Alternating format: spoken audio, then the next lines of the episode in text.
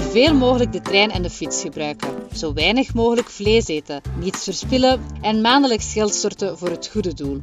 Ik probeer echt wel heel bewust te leven. Maar helaas doe ik onbewust ook nog heel veel verkeerd. Ik surf bijvoorbeeld nogal veel op het internet. Maar wist je dat elke zoekopdracht op Google eigenlijk enorm veel energie gebruikt en gelijk staat aan een lamp die 17 seconden brandt? En zo zijn er nog heel wat dingen waar ik mij nog nooit vragen bij had gesteld.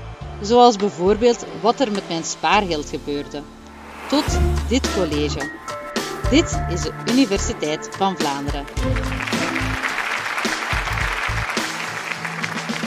In de herfst was ik uh, op vakantie in Spanje. En dat was echt heel fijn. We waren in the middle of nowhere in de bergen. En we waren op zo'n plek waar het dan nog warm is. Het was hier koud en regenachtig. En een plek waar alles kon. De kinderen mochten daar vrij spelen, walnoten zoeken, slangen vangen. We hadden heel veel plezier met elkaar. En ik zag mijn uh, zoontje, ook zo, zeven jaar, die uh, ging wat proberen op het fietsje van zijn kleine zusje, namelijk om daar wheelies op te maken, zo op het achterwiel. Het was op de verharde binnenplaats en uh, ik zag dat natuurlijk al fout gaan, maar ik wou niet zo'n voorzichtige moeder zijn. Dus ik vertelde mezelf niet mee bemoeien, liep het huis in om een wijntje in te schenken. Tien seconden later hoorde ik de kok schreeuwen. Mijn man rende langs me heen naar buiten. En toen ik buiten kwam, was zijn witte t-shirt helemaal bebloed en dat gutste uit het gezicht van mijn zoontje. Ik voelde aan zijn neus of die gebroken was, maar het bloed leek meer uit de mond te komen. En toen hij die opende, zag ik dat de voorkant van zijn tong in tweeën gesplitst was. Blinde paniek natuurlijk. Mijn vader, als een soort superheld, had de auto al gestart. We laden ook zo de auto in en we begonnen aan de tocht van de berg af naar het dichtstbijzijnde ziekenhuis. Daar aangekomen was er zo'n tengere Spaanse zuster en die deed de intake, wat er dan aan de hand was. Het was nogal lastig met dat Spaans. En, uh, maar uiteindelijk kregen we het over de bühne en mochten we even gaan zitten. Dat was nou niet echt wat wij verwacht hadden. Wij dachten dat er een soort team met chirurgen aan zou komen die dan die tong zou hechten. Want ook zo die viel ondertussen al tussen bewustzijn en onbewustzijn. Maar nee, ik weet niet of je dat zelf wel eens hebt gehad als je op de eerste hulp komt. Het lijkt alsof iedereen voorgaat, terwijl vanuit jouw perspectief lijkt jij toch echt de meest urgente casus. Er zat een man en die had wat last om te ademen en die mocht voor, terwijl wij nog zaten te wachten. Nou, dat was dan nog wel te begrijpen. Maar vervolgens ging ook nog een jonge vrouw voor. En met haar leek er gewoon echt niks aan de hand. Wat is er mis met deze mensen? Is het hier gewoon first come, first serve of zo in het, uh, de eerste hulp in Spanje?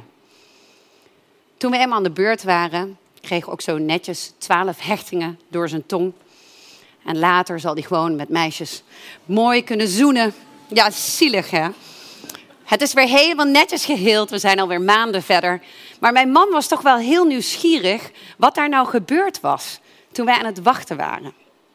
Dus hij vroeg dat aan de chirurg, die overigens wel prachtig Engels sprak. Hoe kan het nou dat we zo lang moesten wachten? En de chirurg legde hem een concept uit van triage. Triage staat voor het gebruiken van de energie, de medische aandacht die we hebben. Eén chirurg was er voor die mensen die het het hardst nodig hebben. En wat we ook op kunnen lossen, dus waar we eigenlijk weinig middelen voor nodig hebben. We maken eigenlijk een soort prioritering. Dat is wat die tengere Spaanse zuster dus aan het doen was. Zij schatten in, wij waren dus blijkbaar niet de rode categorie, hoe urgent het was om ons te helpen en hoe oplosbaar ons probleem eigenlijk is. En op die manier hebben ze in die avond alle drie de mensen geholpen. Want die vrouw waar niks mis mee leek, had een acuut nierfalen, wat een van de meest voorkomende doodsoorzaken is op de eerste hulp. En vanavond wil ik met jullie praten over triage, deze manier van keuzes maken. Want als we nadenken over onze eigen keuzes, hoe zijn die dan zo anders dan die van de dokter? Het voelt, als je zelf in paniek bent en met je zoontje daar bij de eerste hulp komt, als echt heel oneerlijk dat iemand anders voorgaat. Maar het is natuurlijk de enige morele manier om keuzes te maken. Om zoveel mogelijk mensen te helpen met de gelimiteerde middelen die we nou eenmaal hebben.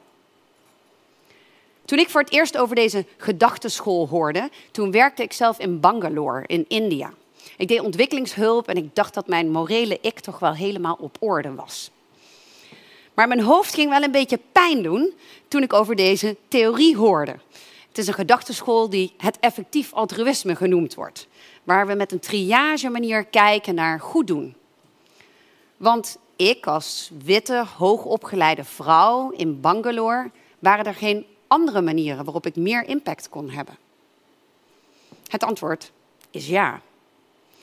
Ik ben een initiatief gestart dat heet Effective Giving. En met een groep filantropen denken we op deze triage manier na over ons goed doen.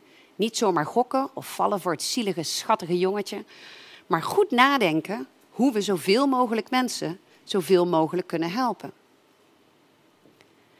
En op die manier proberen we een verschil te maken met elkaar. Dat stelt me ook in staat om 20% van mijn inkomen weg te geven aan goede doelenorganisaties. En daarmee hou ik meerdere mensen in van die lokale NGO's aan het werk. Ten opzichte van dat dus zelf doen. Oké, ik ben dus niet in Bangalore nu, want ik dacht dat ik op deze manier meer effect kon hebben. Maar laten we dit dus met elkaar gaan oefenen. En dan kun je daarover nadenken met je spaargeld, maar dan zit er tussen jou en dat spaargeld nog die bankier. Dus laten we het eerst even doen met geven. En dan heb ik een cadeautje voor jullie allemaal. Jullie hebben namelijk allemaal een euro van me gekregen. 1 euro, iedereen. En die mag je weggeven. Nou, niks is mooier dan dat. We zijn soms een beetje in de war, maar mensen worden gewoon gelukkig van geld weggeven. Dus dat gaan we doen met elkaar. En ik geef jullie drie opties waaraan je dat geld kan geven. Drie organisaties. De eerste organisatie is Make-A-Wish Foundation. Misschien kennen jullie die wel. Make-A-Wish Foundation laat een wens in vervulling komen van een chronisch ziek kind. Bijvoorbeeld, ik wil nog heel graag een keer Justin Bieber ontmoeten. Of uh, kan ik voor een dag Batman zijn? De tweede optie is de Against Malaria Foundation. Zij delen malaria-bednetten uit en informeren mensen waarom het belangrijk is om vooral in het malaria-seizoen daar toch echt goed onder te slapen. En de derde is Playpumps. En Playpumps is een organisatie in Zuid-Afrika die van die oude handpompen weghaalt en verplaatst voor een soort draaimolen waar kinderen op spelen. En door het spel van de kinderen wordt het water omhoog gepompt. Nou, dat zijn jullie drie opties. Dus ik ben benieuwd waar jullie je euro aan uit willen geven. Stemmen maar. Je kan dat gewoon op je telefoon doen. Dit zijn echte euro's. Ik ga dit natuurlijk overmaken naar de organisatie die jullie kiezen. Dus wordt het Make-A-Wish, wordt het Against Malaria Foundation of wordt het de Playpumps? Is er iemand nog die zit te twijfelen? Doe het even snel. Oké, jullie mochten dus een euro weggeven aan een van deze drie organisaties. En jullie hebben de meeste van jullie hebben gekozen voor playpumps. Ook heel populair was de Against Malaria Foundation. En de minste hebben gekozen voor Make-A-Wish. Dan gaat het dus al best wel goed met de triage manier van kijken. Want stel je nou eens voor dat deze drie opties eigenlijk deze drie patiënten van de dokter waren. Stel je nou eens voor dat deze drie opties, dat eentje hiervan het zielige jongetje is die ons hart heeft gestolen omdat hij zijn eigen tongetje door midden heeft gebeten. En de andere twee de patiënten die nu urgent hulp nodig hebben. Omdat ze anders misschien wel sterven. Als we op die manier kijken, dan zien we dat er enorme gaten zitten in de impact die deze organisaties kunnen realiseren in de wereld. Bedenk eens dat we samen 10.000 euro hadden gegeven aan bijvoorbeeld Make-A-Wish. Wat hadden we dan gecreëerd in waarde? Nou, gemiddeld kan Make-A-Wish Foundation voor 10.000 euro één zo'n wens in vervulling laten gaan. Dat is de gemiddelde kosten van één wens voor een chronisch ziek kind. Zo'nzelfde 10.000 euro koopt voor ons, als we hem aan Against Malaria Foundation zouden geven, 5000 malaria-netten. Er slapen mensen onder en twee of drie van die mensen gaat niet dood als gevolg van het slapen onder die netten. Laat staan hoe geweldig het voor al die andere mensen is om niet ziek te zijn van malaria. Diezelfde 10.000 euro, als we dan heel even een beetje genereus nog 4.000 euro bovenop gooien, koopt zo'n playpump. Nou, dat is natuurlijk een geweldig innovatief idee. Het jammere is alleen dat uit onafhankelijke evaluaties blijkt dat die communities helemaal niet blij zijn met die playpump. Die kinderen die gaan naar school. Die willen helemaal niet op die draaimolen. Dus uiteindelijk, toen die dorpen bezocht waren, waren het de oude vrouwtjes die met zo'n stomme draaimolen rond moesten. En dat duurde maar om dat water uit de grond te krijgen. Al die communities wouden die oude handpomp terug. Het is van tevoren lastig. We hebben de zuster nodig, de stengere Spaanse zuster, om deze inschatting goed te kunnen maken. We hebben een triage manier van kijken nodig. Waar kunnen we met onze beperkte middelen, die ene euro, het meeste verschil maken? De gaten zijn gigantisch. Nou, gaan we na vanavond natuurlijk allemaal een extreem effectieve goede doelenorganisaties geven. Ga dus niet op je onderbuikgevoel af. Ga naar organisaties die onafhankelijke evaluaties doen van goede doelenorganisaties. Zoals de Amerikaanse club GiveWell. Of in Nederland komt er in april een hele sexy app uit. Die heet Kinder. Ja, van Tinder, maar dan Kinder. Waarin je kan swipen tussen effectieve goede doelenorganisaties.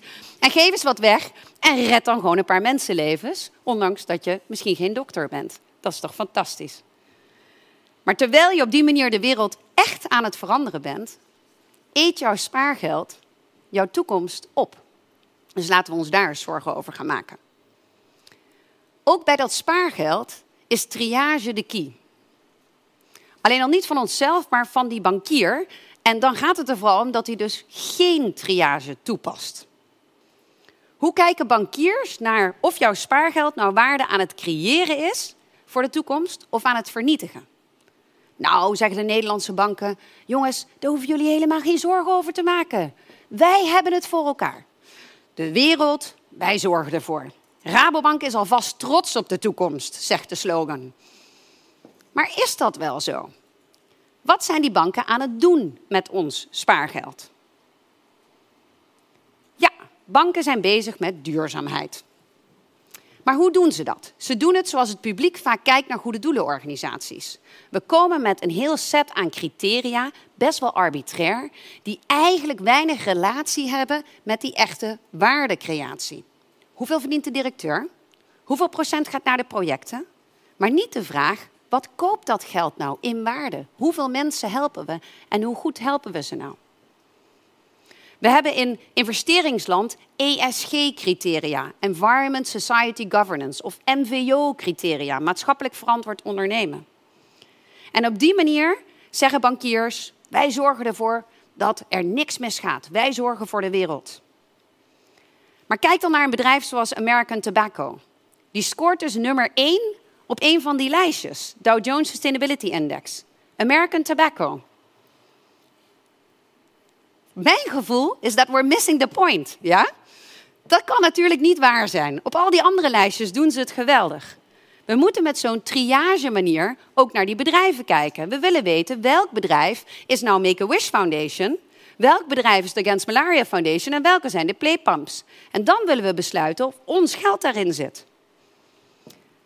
Dat kan, zegt een groepje ambitieuze jongens in Oxford. Die hebben de UTIL-methode ontwikkeld. Zij proberen dus echt te kijken of net net een bedrijf nou eigenlijk meer waarde vernietigt of meer waarde creëert. En dan kan jij kiezen of jij aandelen wil in dat bedrijf. Hier zie je hun methode. Dat is nog niet zo'n mooi plaatje. Wat naar beneden gaat is waardevernietiging en wat naar boven gaat is niet heel heftig. En dat willen we afzetten tegen andere mogelijke aandelen.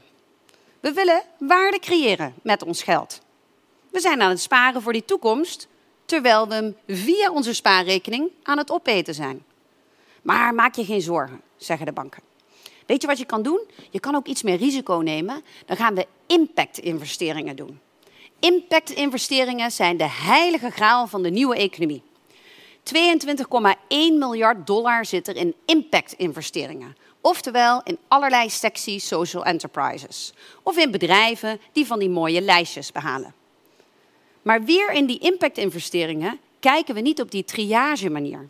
We vinden sexy social enterprise A, Fairphone, of B, Taxi Electric, zonder te kijken hoeveel waarde wordt er nou gecreëerd als ik mijn geld in de een of de ander stop.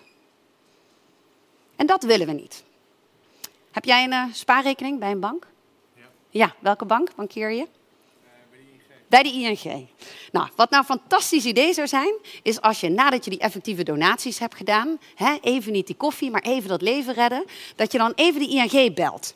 En dan vraag je aan de ING, waar zit mijn geld eigenlijk in?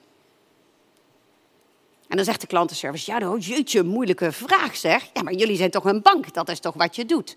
Waar zit het nou in? Nou, ik heb het laatst gedaan, dan word je tien keer doorverbonden voordat je met iemand spreekt die überhaupt iets te zeggen heeft. En die gaat dan vertellen, nee joh, is veel te makkelijk hoe jij er naar kijkt. Het is allemaal risicospreiding, heel lastig verhaal, maar we hebben wel een zwarte lijst. Oké, wat betekent dat? Nou, jouw geld zit niet op de in bedrijven die op de zwarte lijst staan. Wat staat daar dan op? Nou, uh, bijvoorbeeld wapens en zo. Oké, maar ik wil graag weten waar het wel in zit. Waar zit mijn geld nou eigenlijk in? En dan gaan ze je nog 15 keer doorverbinden, allerlei moeilijke woorden later. En heel misschien kom je uit op een lijstje. En dan zul je waarschijnlijk zien dat Coca-Cola daartussen staat, McDonald's daartussen staat. Nou, stel dat jij het geen briljant idee vindt dat jouw geld faciliteert dat mensen ongezonde producten worden aangesmeerd. Stel dat je vegetariër bent en helemaal niet ziet zitten dat jij McDonald's aan het faciliteren bent. Kun je vragen, mag ik daar dan uit? Nee meneer, sorry. Nee, dat, nee, dat kan echt niet. Nou, zegt Triodos Bank dan, kom je lekker bij ons. Want wij zijn de duurzame bank. Wij zorgen voor de wereld. Maar ook bij Triodos Bank, als je in hun portfolio kijkt, hebben zij die triage manier niet toegepast. Zij zijn niet bezig, hoe kunnen we nou met de middelen die we hebben maximaal veel positieve waarde creëren. En proberen om geen waarde te vernietigen. Ik hoop dat ik jullie een beetje enthousiast heb gemaakt over de triage manier van kijken. Jullie gaan allemaal wat weggeven aan super effectieve goede doelenorganisaties. En de klantenservice van de banken krijgen het hartstikke druk morgen. Want jullie gaan vragen waar je geld in zit. Het enige wat zij doen is jullie een service verlenen. Dus als jullie erom vragen, dan moeten zij antwoorden. En gaan ze misschien bewegen. Maar natuurlijk zijn we ook een beetje lui. Dus ik wil jullie als afsluiter deze tweet meegeven die David, Slack tweette. Hij is echt geweldig. Remember sitting in history class thinking, if I were alive then? Well, you are alive now. Whatever you're doing is what you would have done. Weet je hoe je wel goed in je toekomst kan investeren? Door meer kennis te vergaren. En dat kan door elke keer weer opnieuw te luisteren naar onze nieuwste podcasts of door onze video's te beluisteren. Mis niks door je te abonneren. Wist je trouwens dat deze podcast er niet zou zijn zonder onze sponsors VRT, KNAK en de vijf universiteiten? En dikke merci aan hen dus. En dankjewel aan jou ook om te luisteren en tot binnenkort.